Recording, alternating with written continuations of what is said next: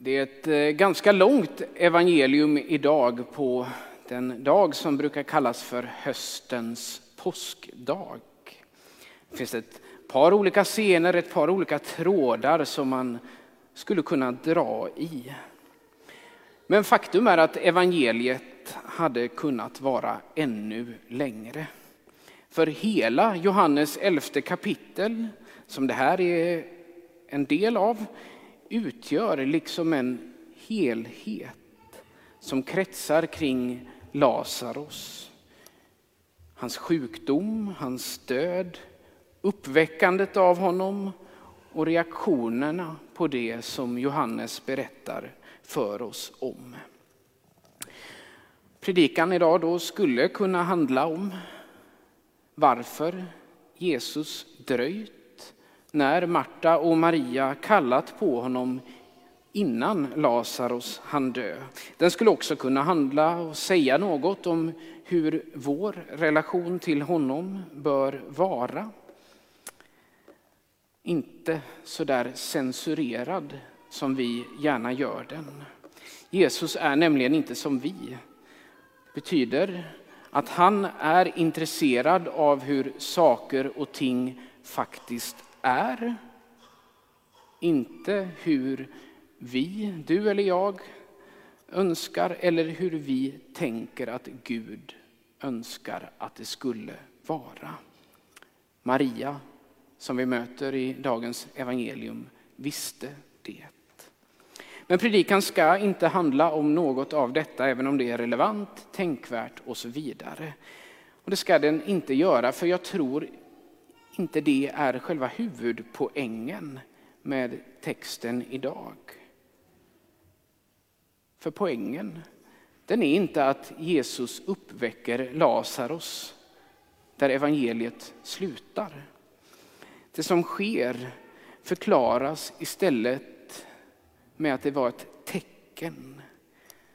Ett tecken, det vill säga något som säger någonting om någon, det vill säga Jesus. Och det som sägs om Jesus sägs från kanske något oväntat håll. Ja, poängen med dagens evangelium kommer alltså efter att läsningen är slut. För några versar senare så säger översteprästen det året, Kajafas, orden som liksom sätter fingret på vad det handlar om. Han säger när rådet är samlat, ni förstår ingenting. Ni fattar inte att det är bättre för er att en enda människa dör för folket än att hela folket går under. Det heter att Kajafas talade profetiskt att han inte visste om vad han sa.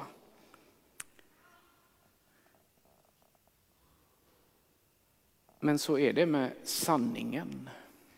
Att även om den kommer från det mest oväntade hållet så är det sant. Och poängen med det som sker får vi därför när vi tittar på Jesu egen uppståndelse. Det sker för att vi ska veta att det är inte sorgen efter en bror som dött eller tårarna vid en väns grav som får sista ordet, som är sista ordet om ditt och mitt liv. Det är inte döden som har sista ordet, utan Jesus. Det är budskapet till oss idag. Han har sista ordet om oss och om våra liv eftersom det som Kajafas sa är sant. Och garanten för det är den tomma graven, inte Lazarus utan Jesu tomma grav. Och vad vet jag, allt det här är kanske självklarheter för er. Men det tåls att sägas igen och igen. För vi är ju inte här idag för att fira att Jesus uppväckte Lazarus. För han dog ju igen förresten. En gång till. Snacka om antiklimax, om det hade varit poängen. Död, inte bara en gång, utan två gånger. Nej, det är inte döden som har sista ordet, inte om Lazarus, inte om dig, inte om mig, utan Jesus har det. Jesus har sista ordet. Han är Herre över liv och död. Och det är därför vi är här idag. För att fira hans uppståndelse liksom varje söndag. Därför lever vi också i en förväntan på den Herrens dag, den yttersta dagen, den dag då han kommer tillbaka.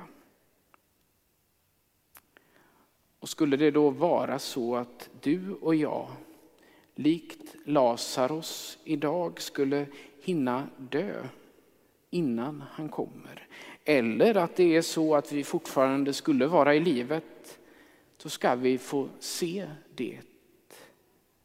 Att döden inte har sista ordet. Utan det har Jesus och bara han. Då ska han stå vid din och min grav. Ja, Lazarus grav också för den delen. Och vid en brors eller väns grav där det har sörjts, där det har gråtits, där det har sagts som det verkligen är och känts. Där ska han stå, ropa ditt och mitt namn följt av kom ut. Kom ut. För han har sista ordet. Ära vare Fadern och Sonen och den helige Ande. Så som det var av begynnelsen, nu är och skall vara, från evighet till evighet. Amen.